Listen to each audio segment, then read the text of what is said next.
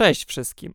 Z tej strony Paweł Chrastacz. Słuchacie audycji Przemyślane, która również w Wigilię jest obecna i sobota, Wigilia, no nie da się ukryć, jest to dzień, który zdecydowanie, no powiedzmy klasykiem, jest raz do roku, ale paradoksalnie powiemy o czymś, co nie tylko ten jeden raz do roku może zostać pominięte, ale przede wszystkim przez pozostałe dni w roku jest to temat, który nie. Inaczej. Jest to temat, który istnieje, który dotyczy dość sporej części społeczeństwa pod różną postacią, w różnych okresach, z różnych powodów, w towarzystwie dwóch innych osób. I właśnie słowo klucz to towarzystwo, bo będziemy mówić y, właśnie w dzisiejszym składzie, który zaraz poznacie, o samotności. A więc ja jestem Arek Jaworski, e, no, reprezentuję Studenckie Koło Naukowe Psychiatrii Uniwersytet Medyczny im. Piastów Śląskich we Wrocławiu przy Katedrze i Klinice Psychiatrii przy ulicy Pastera. I ze mną jest Daria Sosińska i razem realizujemy projekt dotyczący właśnie samotności i osamotnienia. Nazywa się Niesamotni w tłumie. E, zachęcamy do śledzenia nas na mediach społecznościowych, ale o tym jeszcze pewnie wspomnimy później troszkę. No tak, bo najpierw musimy sobie zdefiniować e, zarówno czego wasz projekt dotyczy, no i później przejdziemy do tego, jak my zdefiniujemy różne postacie samotności, bo teraz już zdradzę właśnie, żeby nie trzymać was, nie, was w niepewności, po prostu postaramy się na nią spojrzeć z różnych perspektyw, więc zaczniemy, Arku, właśnie od tego, czym jest projekt Niesamotni w tłumie. Projekt Niesamotni w Tłumie jest projektem edukacyjno-badawczym, bo po pierwsze mamy edukować ludzi na temat problemu samotności osamotnienia, a który to problem szczególnie e, no, został podkreślony i zaobserwowany po pandemii i naszej izolacji społecznej. Edukujemy ludzi, mamy wydarzenia, do tych wydarzeń jest harmonogram, które jeszcze trwają do końca tego roku, a poza tym prowadzimy badanie, które kiedyś może uda się opublikować. No i co by tu wspomnieć? No, od końca września e, zaczęliśmy działać. No, zeszło się nasz, nam z przygotowywaniem e, wszystkich materiałów, ulotek. Tutaj Daria przygotowywała fajne grafiki dla nas wszystkich. E, no, każdy z członków zespołu, no bo w, zasadzie no, powinienem, powinienem też przedstawić cały zespół, e, czyli jestem e, ja, tutaj Daria, jest też Kinga Kulawik, Klaudia Włodarczyk, Michał Szyszka, Julia Bliska i Romana Bednar. E, no jest nas siódemka w projekcie. E, i no, każdy jest członkiem Studenckiego Koła Naukowego. Dobrałem osoby no, na podstawie e, tego, jak e, byli aktywni w kole i tego, jak bardzo chcą oczywiście działać tak, na, na rzecz e, społeczeństwa, ale też no, na, na rzecz siebie, tak? No bo każdy, wszyscy się też rozwijamy, inicjując takie projekty. No i co, może wspomnę o harmonogramie w takim razie, jak on wygląda i czym w zasadzie jest ta samotność, osamotnienie i no to tak, byliśmy już w bibliotece naszego uniwersytetu, no i tam Daliśmy wykład chętnym studentom, którzy licznie przyszli słuchać nas w ramach projektu. Wykład poprowadziła też e, nasza profesor Szcześniak, pani profesor Dorota Szcześniak, którą serdecznie pozdrawiam. Poruszaliśmy problem samotności w różnych grupach społecznych na wykładzie. No, przeprowadziliśmy też quiz, tutaj była inicjatywa Darii, e, jakby no, na podstawie tego, co tam przedstawiliśmy, no i potem ludzie wygrali kilka fajnych nagród. E, t-shirty, torby, wzięli, kilka materiałów. Wzięli udział też w naszym badaniu później, e, bo tak prowadzimy równolegle do tego e, badanie, posługując się dwoma ankietami. Jedna dotyczy właśnie ogólnego takiego stanu zdrowia, to jest GHQ i, i drugiej ankiety, która dotyczy rozwinięcia sieci społecznych. No i w trakcie tego pierwszego wydarzenia właśnie sporo osób już wypełniło te ankiety, dzięki czemu może będziemy mogli e, napisać pracę badawczą. No tak, to, to mhm. było to no, Czyli wydarzenie. to było właśnie pierwsze wydarzenie w bibliotece. No tam jest jeszcze kilka narzędzi, RU Club bada poziom osamotnienia, ale to można by rozmawiać i rozmawiać o tych e, narzędziach badawczych, jak to wygląda. E, no sam jeszcze szczerze mówiąc nie wiem, co dokładnie z tego będzie, co nam wyjdzie, tak, oczywiście, to dlatego też badamy i zobaczymy, co się okaże. Potem też byliśmy w Galerii Borek i tam e, no, mieliśmy okazję no, rozdawać ludziom e, merytorycznie fajnie przygotowane przez nasz zespół ulotki. No oczywiście też e, nawet niektórzy przysiedli z nami porozmawiali dłużej, tak? No w pewnym sensie byliśmy przez chwilę terapeutami, no mimo, że nie mamy takiego wykształcenia, ale no niektórzy się przed nami otworzyli. No, to było też... świetne doświadczenie. Dobrze było porozmawiać z osobami, które wyraźnie tego potrzebowały, podchodząc do nas. No, to tak odnosząc się do tego, co mówiłeś, że, że wszyscy się rozwijamy robiąc takie rzeczy, to naprawdę no, na, na, na dużo kwestii coś takiego otwiera oczy. Jak zdefiniujemy na razie wstępnie problem samotności? To może zacznijmy w ogóle od tego, że osamotnienie i samotność to nie muszą być e, tożsame pojęcia. E, osamotnienie definiujemy jako negatywny stan psychiczny, subiektywny, tak? Czyli dana jednostka e, odczuwa to osamotnienie i ono jest skutkiem niewystarczającej i niesatysfakcjonującej dla niej sieci kontaktów społecznych, tak? Natomiast samotność możemy definiować jako obiektywny stan odizolowania, tak? Izolacji społecznej, że dana osoba pozostaje sama, tylko weźmy też pod uwagę, że osamotnienie jest negatywnym stanem i zawsze będzie prowadziło do negatywnych konsekwencji, natomiast samotność jest też niezbędna w naszym życiu i często, no wyobraźmy sobie artystę, malarza, tak, no on raczej jak tworzy, no to sam tworzy te rzeczy, prawda? W sensie sam y, maluje, no chyba, że ma modelkę na przykład, no to wtedy nie, nie sam, ale jednak to on sam, sam samotnie maluje, tak? E, samotnie pisze książkę, e, pisarz, samotnie tworzy muzykę, e, jakiś muzyk, tak? No więc ta samotność jest potrzebna, żeby uzyskać jakiś stan wyciszenia i e, silnej koncentracji i kreatywności, żeby móc tworzyć pewne rzeczy. No to jest niezbędne w naszym życiu. E, no ale właśnie też może być e, chroniczna samotność, Wyobraźmy sobie przykładowo e, starszą kobietę, e, co w sumie no, u nas e, na, w, Polsce też między innymi ten problem będzie zaostrzony, tak, czyli starszą, owdowiałą kobietę, której dzieci wyjechały za granicę, ona pozostaje sama w swoim mieszkaniu komunalnym i w zasadzie no, może też mieć problemy zdrowotne, no najczęściej ma, tak, polipragmazję, przyjmuje wiele leków, no i to jest wtedy chroniczna samotność, która zaostrza wieloma ścieżkami biologicznymi, które też tutaj można by e, długo omawiać, e, zaostrza też tej choroby, które już jej doskwierają, tak? Różne.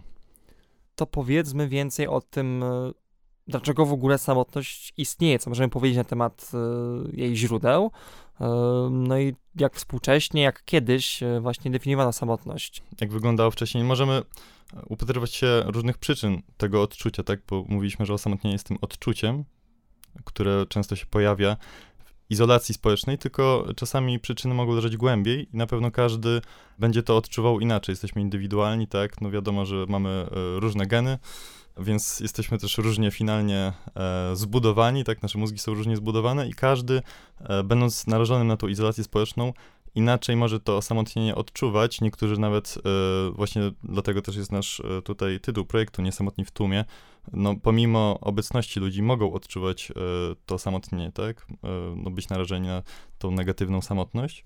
no ale możemy też spojrzeć z perspektywy ewolucji, tak? Naszej ewolucji.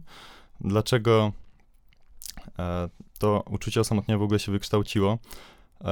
no weźmy na przykład uczucie głodu tak? W sensie uczucie głodu e, wykształciło się ewolucyjnie, no żebyśmy e, no, mieli motywację znalezienia pokarmu, dostarczenia substancji odżywczych do organizmu i wtedy no, dalej możemy podtrzymywać funkcje życiowe, się rozwijać i no, to jest, e, wydaje się błahe i oczywiste, ale no, to się kształtowało przez miliony lat ewolucji, żeby utrzymać ciągłość gatunku.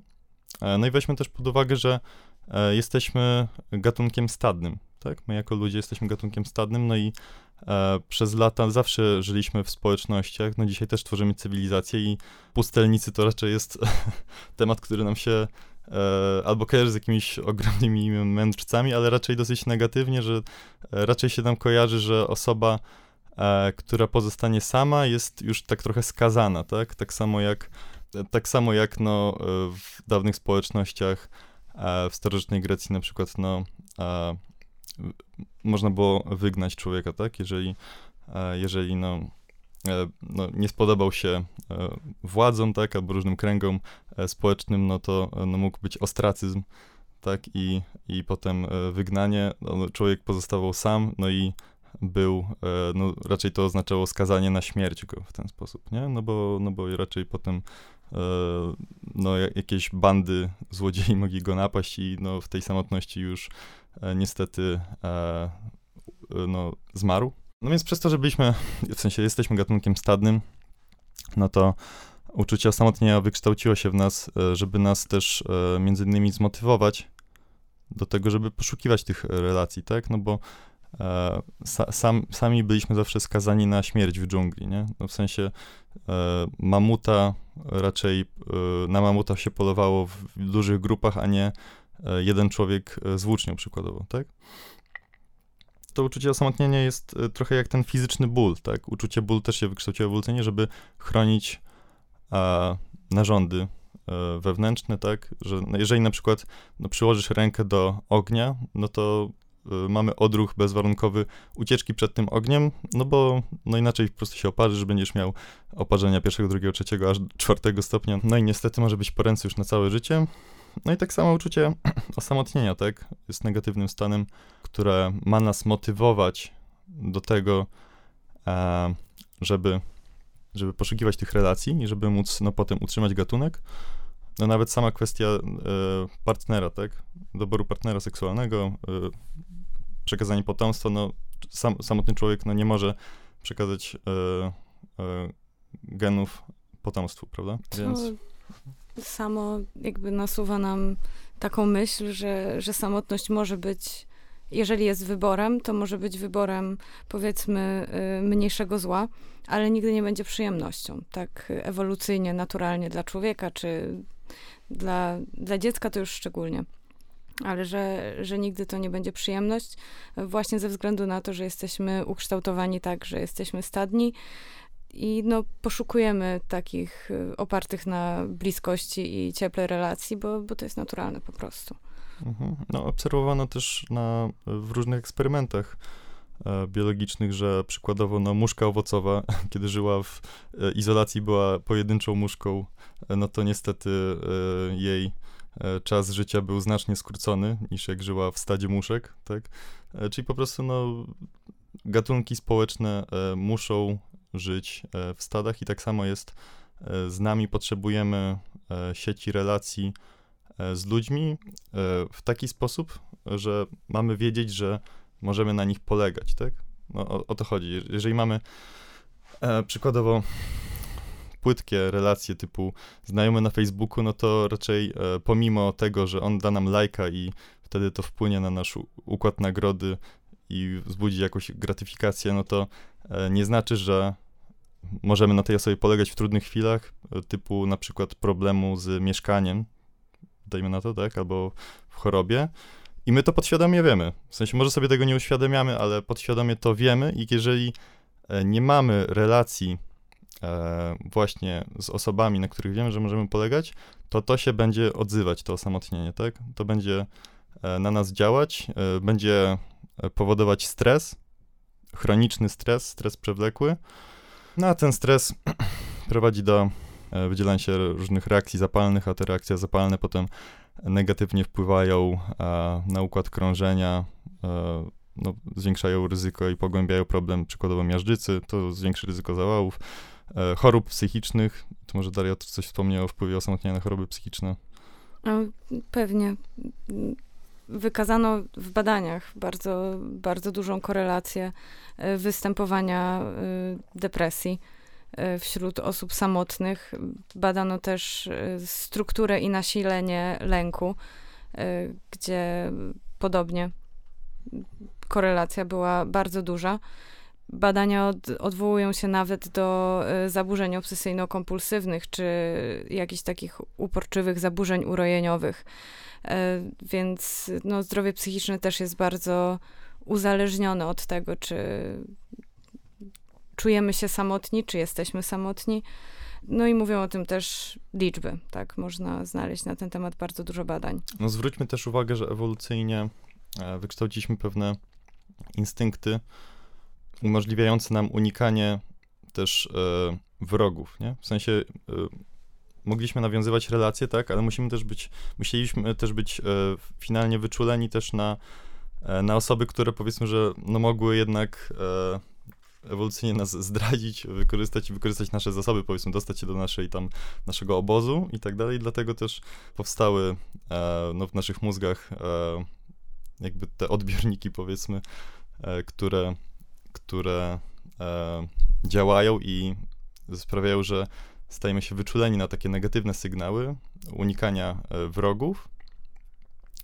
E, no i wykazano, że właśnie osoby osamotnione wpadają w takie pewne błędne koło, bo wykazano, że one są bardziej niż grupa kontrolna, zdrowa grupa kontrolna nieosamotniona, bardziej od, intensywniej odbierają te negatywne bodźce społeczne, tak? Są bardziej negatywnie interpretują też pewne proste sygnały, gdzie człowiek nieosamotniony by odebrał je neutralnie dosyć, albo wręcz mógłby je odebrać pozytywnie.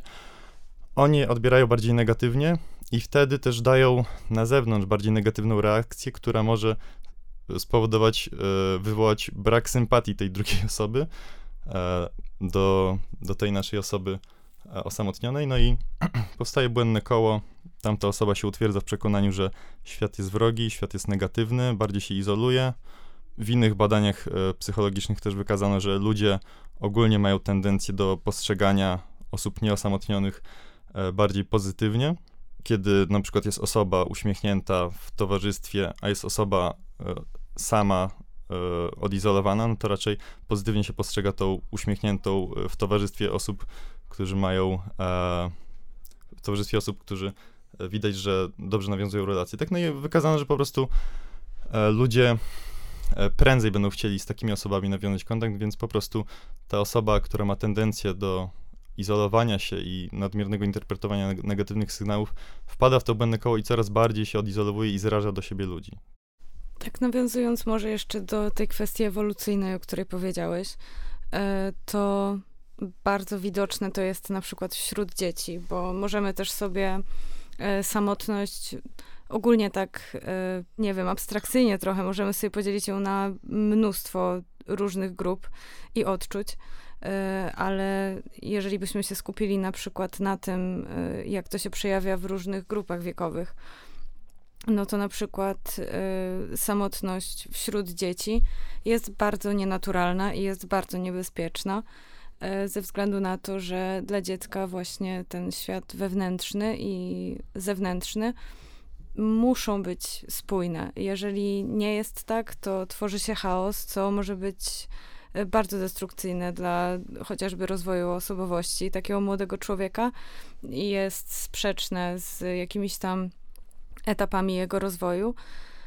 Jakby doświadczenie takiej samotności, takiego zaniedbania e, w dzieciństwie może zwiększać e, tendencje do późniejszego zapadania na, na jakieś zaburzenia psychiczne. Tak, tak. I tu jeszcze chciałem dodać, że dziecko e, się rozwija, neurorozwojowo się tak, tak że rozwija. Jeżeli ono, ono będzie, będzie poddawane tej izolacji i samotności, no to właśnie wtedy mogą e, intensywnie się rozwijać te obszary w mózgu, które właśnie odbierają te negatywne sygnały społeczne, prawda? Dlatego potem ta jednostka może mieć, jednostka, no ta osoba po prostu, kiedy już będzie dojrzała, pod kątem układu nerwowego, no to będzie już miała po prostu już naturalną tendencję do negatywnego e, interpretowania sygnałów społecznych, tak? Gdzie dla e, dziecka, które e, no nie miało problemu osamotnienia, izolacji, e,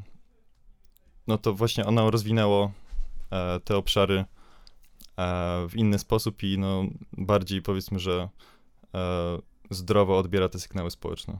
Mhm. Tak, no tak y, odnosząc się do tego, co mówisz, to właśnie to są te przyczyny rozwojowe osamotnienia, tak, które są związane z y, brakiem realizacji jakichś tam pod, podstawowych potrzeb dziecka. E, ale mogą być też inne przyczyny, mogą być przyczyny psychologiczne, e, gdzie odczuwa się deficyty w takich pozytywnych odczuciach ze strony otoczenia. Mogą być uwarunkowane społecznie, gdzie jest osłabienie albo nawet brak naturalnych więzi z innymi ludźmi. I to się wiąże na przykład z jakimś obniżeniem kompetencji społecznych. E, mogą być przyczyny, jeśli chodzi o dzieci, ale jeśli chodzi o dorosłe osoby też, e, o charakterze komunikacyjnym, gdzie mamy, doświadczamy zaburzenia komunikacji w rodzinie, y, nie doświadczamy bliskości, jakiegoś takiego porozum porozumienia i dialogu, ale mogą być też takie zupełnie niezależne od nas, jak ekonomiczne, gdzie, gdzie można być wykluczonym ekonomicznie albo cyfrowo i też to będzie prowadziło do samotności. Więc tych aspektów jest bardzo wiele. Mhm.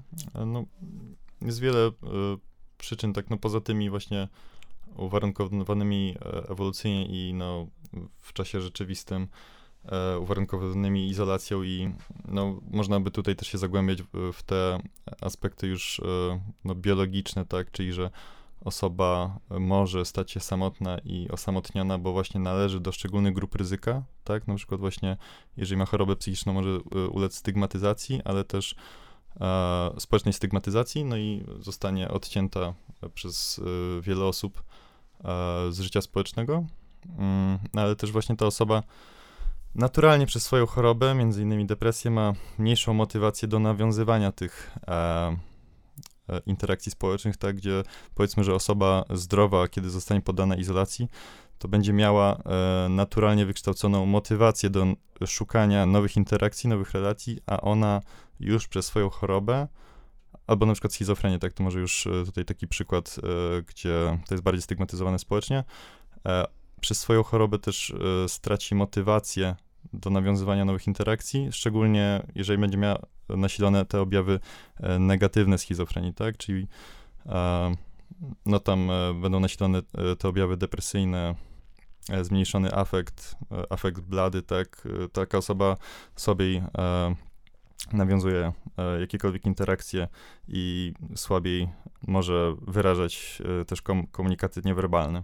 Zwróciłeś uwagę na bardzo ważny aspekt właśnie tego, e, kto jest najbardziej na, narażony na tą samotność i poczucie osamotnienia, bo badania mówią, że E, są to właśnie nastolatkowie, osoby w podeszłym wieku, tak jak powiedziałeś, osoby e, chorujące, cierpiące na zaburzenia psychiczne, ogólnie przewlekle chorzy somatycznie także.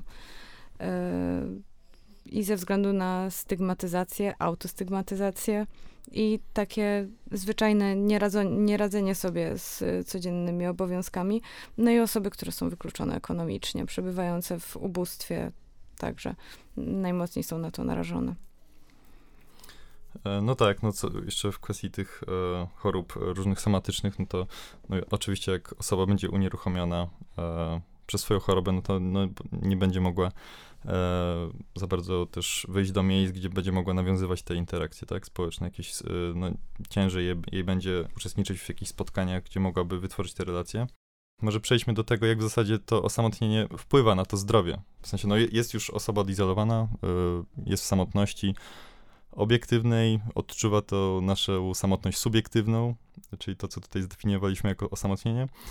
E, no i badacze też zaproponowali kilka modeli, e, w jaki sposób już to osamotnienie e, prowadzi do tych negatywnych konsekwencji zdrowotnych, tak? Czyli już mamy tą ten stan i co się wydarzy, że w zasadzie no, będzie jednak to szkodliwe dla zdrowia, nie? No bo może niektórym się wydawać, że no, ta osoba czuje się samotnie, czuje się jej trochę źle, no ale jakoś tam sobie będzie radzić, jakoś sobie będzie żyć i jakoś to będzie.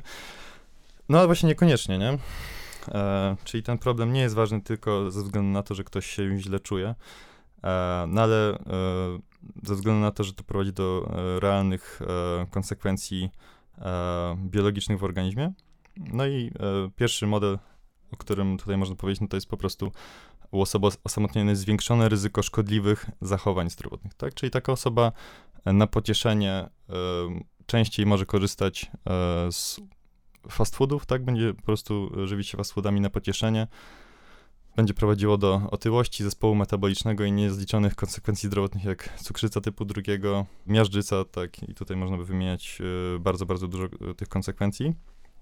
Stosowanie używek, tak, czyli osoba e, taka osamotniona na pocieszenie może zacząć palić papierosy, częściej y, będzie palić papierosy albo wróci do nałogu, które kiedyś rzuciła, żeby, no w cudzysłowie się odstresować, tak, to, co nam się kojarzy, co jest po prostu tym błędnym kołem e, tego uzależnienia. Zmniejszona także aktywność fizyczna. E, no weźmy też pod uwagę, że wielu z nas e, uprawia sporty w grupach, tak? E, w grupach ze znajomymi, z przyjaciółmi albo uczestniczy w jakichś takich klubach, no osoba osamotniona, może być też osamotniona między innymi przez fobię społeczną, tak, no e, będzie miała tendencję do e, częściej do unikania e, takich form aktywności. No drugim takim modelem, poza tym zwiększonym ryzykiem szkodliwych zachowań zdrowotnych, no i wtedy stosowania też między innymi używek, e, e, jak narkotyki na, na, na tak zwane pocieszenie, tak, e, przez to osamotnienie, no może być po prostu stres, w sensie, że no, osamotnienie prowadzi do zwiększonego stresu, bo mówiliśmy, że ma motywować do szukania nowych interakcji, ale ten stres po prostu staje się chroniczny, jeżeli to towarzyszy takiej osobie długo. No a to zwiększa e, parametry stanu zapalnego, o czym e, powiedziałem. E, prowadzi do stanu zapalnego niskiego stopnia, przewlekłego. No i tutaj można jeszcze wchodzić już w właśnie poza tym z wyższym poziomem glikokortykosteroidów możemy mówić o wzroście wydzielania TNF-alfa, które podtrzymuje stan zapalny.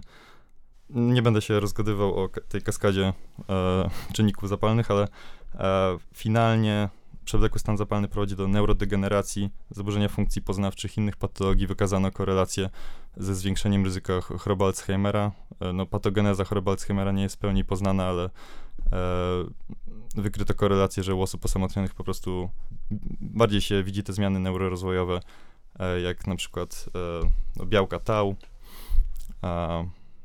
tak, no zwiększone ryzyko demencji wynosi nawet tam, to jest o 26% więcej niż w populacji ogólnej wśród osób osamotnionych właśnie. E, tak jak powiedziałeś o, o tych e, upośledzonych mechanizmach naprawczych, tak?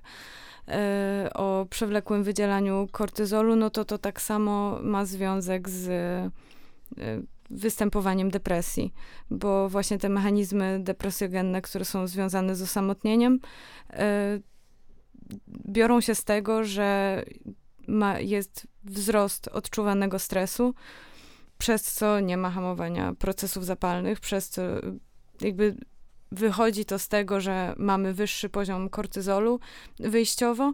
Jeżeli mamy wyższy poziom kortyzolu, czyli tego hormonu takiego prze, przewlekłego, długotrwałego stresu, to zmniejsza się wydzielanie neurotrofin, czyli takich związków, które by chroniły w jakiś sposób układ nerwowy przed y, degeneracją. No i to bardzo mocno wpływa na to, że, że można wykształcić na przykład depresję.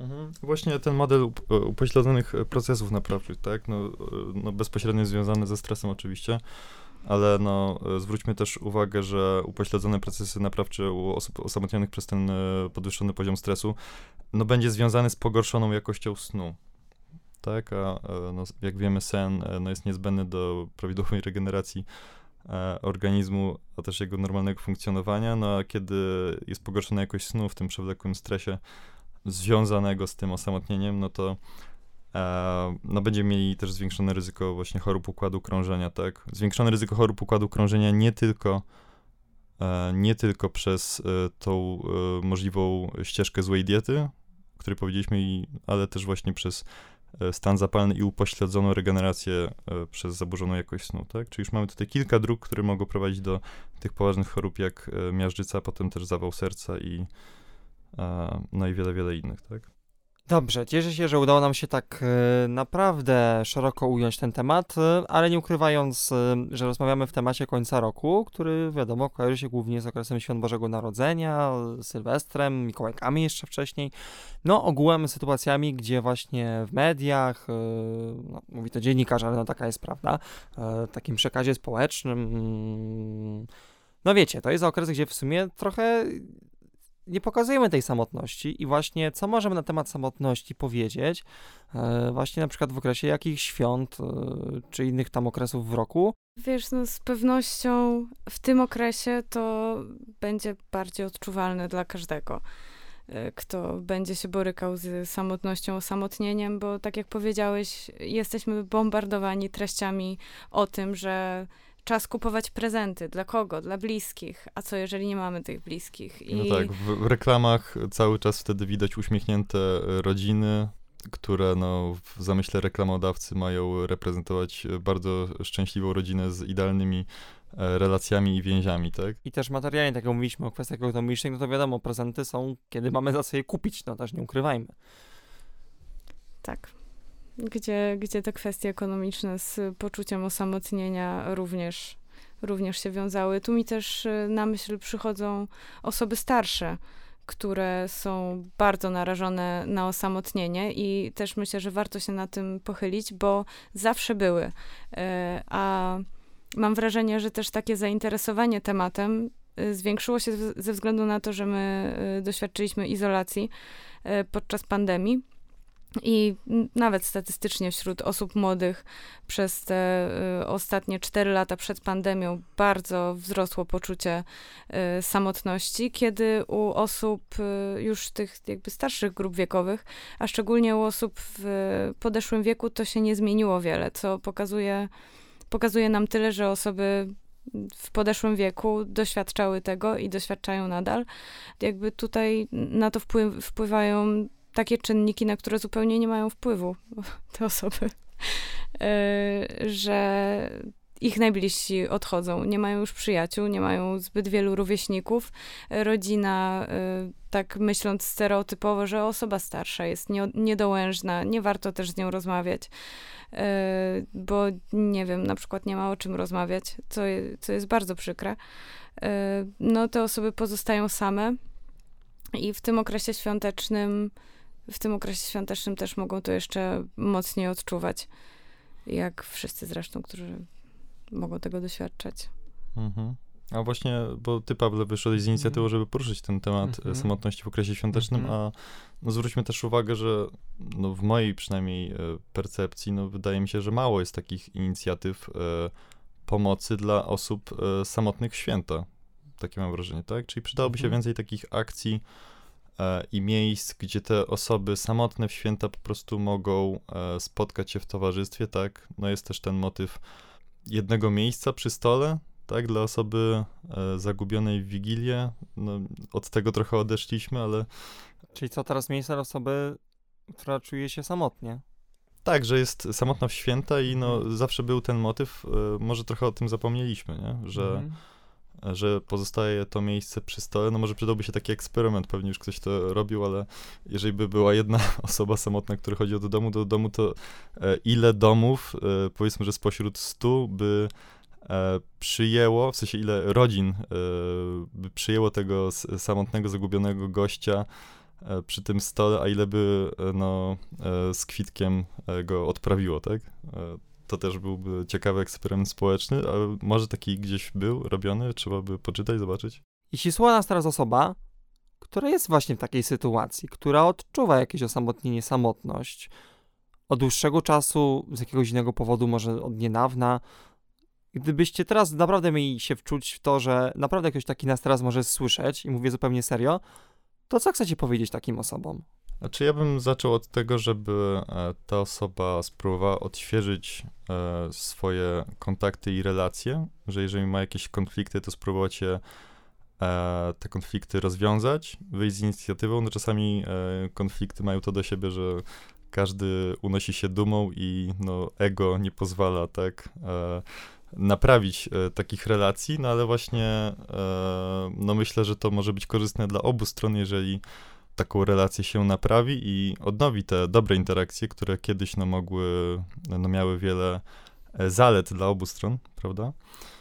E, więc to taki krok pierwszy.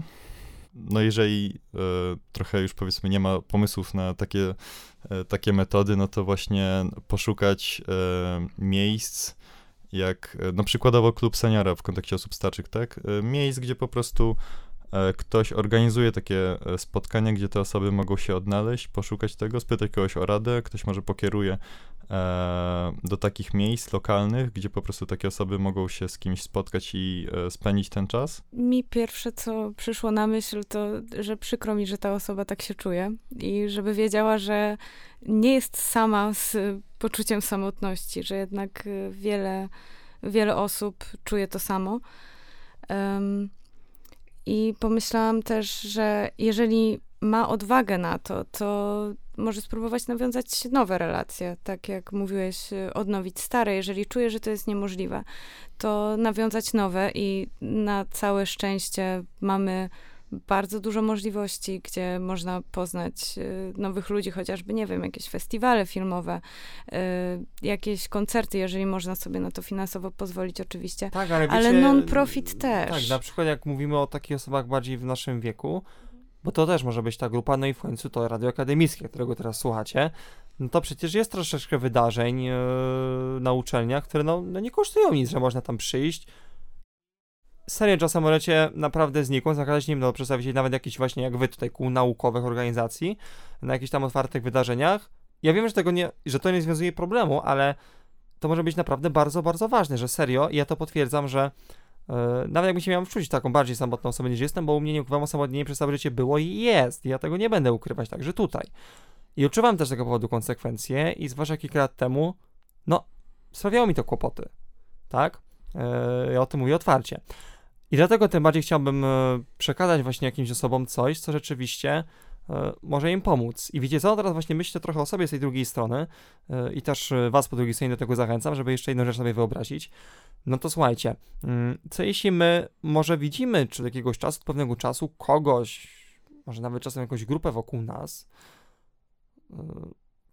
która podejrzewamy, ta osoba, ta grupa może odczuwać taki problem to coś możemy zrobić dobrego na, y, y, z tym wszystkim? Czy możemy do takiej osoby właśnie w jakiś sposób podejść, kiedyś ją o, o to po prostu spytać, y, poprosić ją o rozmowę? Jak ewentualnie to zrobić? Pomóc tylko i aż tym, że się nim zainteresujemy? Da się, tak? Poniekąd, poniekąd odpowiadasz sobie sam na to pytanie. Myślę, że jeżeli ktoś bardzo tego potrzebuje, to jak najbardziej. Więc jakbym widział, że ktoś w moim otoczeniu może mieć problem z samotnością, to, to, to, to, to jak dobrze do tego podejść? Jak dobrze z taką osobą o tym porozmawiać? Macie jakieś wskazówki? Mm, no wyjść z inicjatywą i zacząć od prostych rzeczy. Zaproponować kawę, tam opowiedzieć o, o filmie, który się ostatnio obejrzało, książce, którą się ostatnio przeczytało, no i e, spojrzeć na to otwarcie, tak? No jeszcze e, wspominałem o tym błędnym kole mhm. tego osamotnienia, tak? Czyli dana osoba nadmiernie interpretuje negatywne e, e, sygnały społeczne, prawda? Postarać się wyjść z tego błędnego koła, to już do tych osób, które mogą w tym e, tkwić. E, no tutaj, jeżeli no już sytuacja właśnie jest poważniejsza, no warto się udać do e, psychoterapeuty. Psychoterapeuta może przeprowadzić terapię poznawczo-behawioralną z tą osobą, żeby sobie uświadomić pewne rzeczy i e, wyjść z tego błędnego koła i wtedy bardziej się otworzyć na te relacje, tak? I żeby ta rozmowa była e, no głęboka, szczera i E, no jak już ta osoba zaprosi tę osobę na kawę, to żeby no po tak. prostu porozmawiali o czymś e, sensownym, otwarcie i się no nie bać tak, oceny, tak, no tak. no świat się nie mhm. zawali no tak. e, e, przez rozmowę, prawda? No, ale też myślę, że to też jest ważne podkreślenie, że m, mm, jeśli chodzi o nasze uczelnie, no to też e, jak najbardziej, jeśli mamy takie poczucie, tak się czujemy, no to też nie powinniśmy się bać e, zgłosić na przykład do poradni psychologicznej na naszej uczelni z tego powodu. Absolutnie nie powinniśmy się tego bać. Nie, właśnie to jest bardzo ważne, co mówisz e, i y, warto nakreślić to, że ludzie często myślą, że ich problem jest mniejszy albo ich problem jest niewystarczający, żeby się tym zająć. I to jest nieprawda, bo każdy subiektywnie odczuwa swoje problemy jako jednak na, największe, jakich doświadcza. Więc y, tak, jak, tak jak mówicie, jeżeli spotkamy kogoś, kto widzimy, że może ma takie problemy, to też y, warto, myślę, być nienarzucającym i nie, mhm. nieoceniającym, mm -hmm. tylko, tylko wyciągnąć dłoń do kogoś i tak sobie myślę powiedzieć mu, że jeżeli poczujemy, że ona jest gotowa też no to usłyszeć, oczywiście, no prawda? Właśnie. Bo y, tak jak sobie o tym myślę, to że żeby w jakiś sposób mogła zrozumieć, że ten dramat jakiś, który się rozgrywa u niej wewnętrznie, który ją hamuje przed tym, żeby nawiązywać relacje, czy żeby je jakoś pogłębiać, on się cały czas rozgrywa wewnętrznie i zewnętrznie to może być y, zupełnie inaczej odbierane.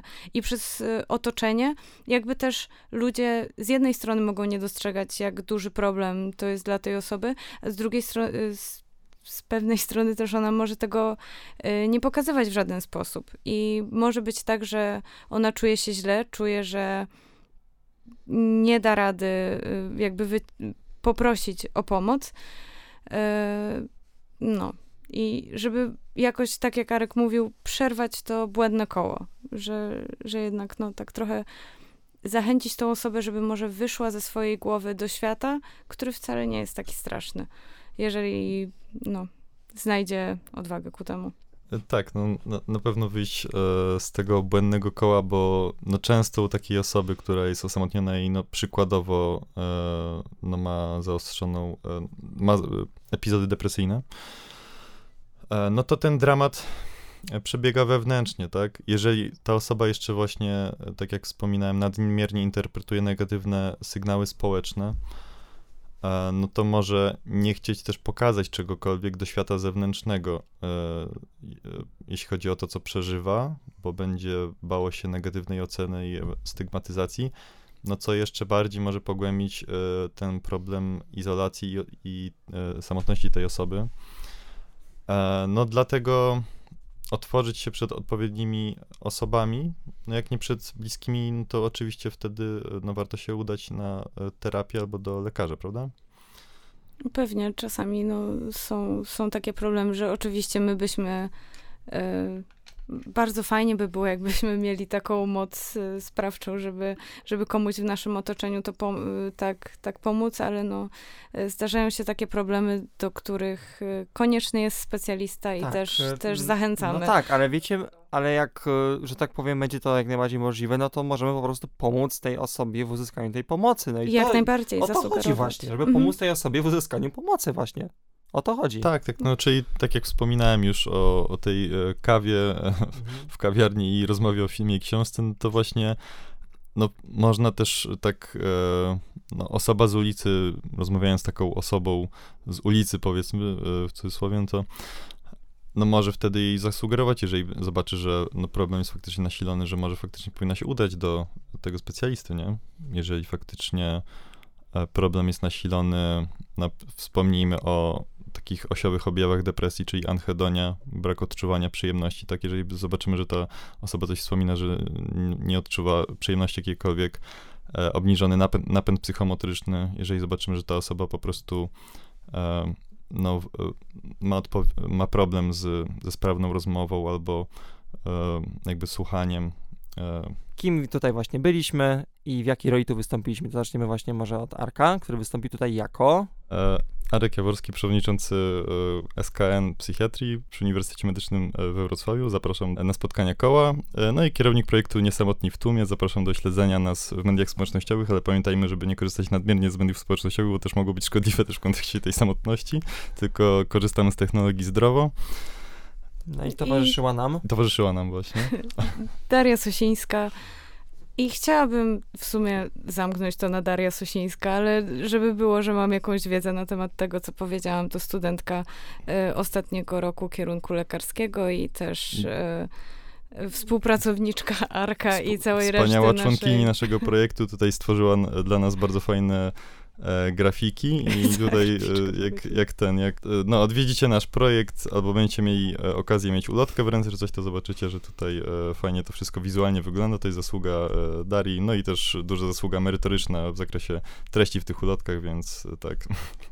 Ja oczywiście chcę zachęcić do aktywności, bo na pierwszych latach, no zbyt, szczerze mówiąc, aktywny nie byłem. Jakoś to później mi przyszła motywacja do tego, żeby coś zmienić w swoim życiu, no i zacząłem się angażować w koło. Tutaj pozdrawiam kolegę Krzyśka Kowalskiego, już doktoranta.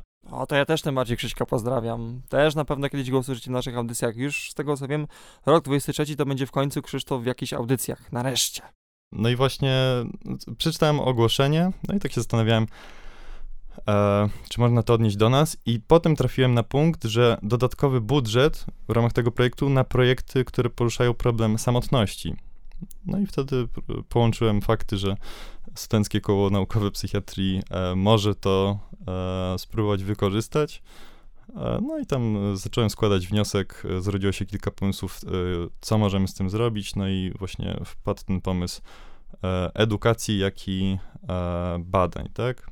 E, no, trzeba, wiadomo, to wszystko wymaga pracy, ale e, można e, iść z flow, że tak powiem, tak? Czyli jak już się zacznie krok pierwszy, to potem jest krok drugi, dwudziesty, setny, no i czuć też takie zmiany i no ja na przykład osobiście czuję, że jak zacząłem to robić i po prostu pracować na tym, to też e, no czuję rozwój, w sumie osobisty, tak e, patrząc trochę e, jakby nie, nie tylko na to, że pomagam innym i są plusy też dla innych, no to czuję jakby swój rozwój, tak, w, no na pewno mam większą pewność siebie w zakresie załatwiania pewnych spraw, wykonywania telefonów tutaj, e, umawiania jakichś terminów i jakby obliczania tego, kiedy to wszystko się wydarzy, żeby dostosować harmonogram i żeby to się stało możliwe, co też wymaga nie lada pracy, ale no na pewno nie, nie żałuję tego, że, e, że ten projekt e, się nam udaje oczywiście i że w ogóle zainicjowaliśmy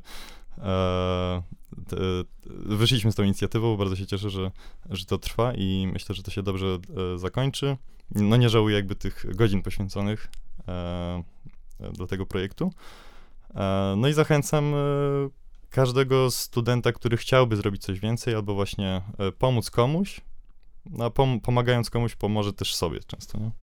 Kim tutaj właśnie byliśmy i w jakiej roli tu wystąpiliśmy? To zaczniemy właśnie może od Arka, który wystąpi tutaj jako...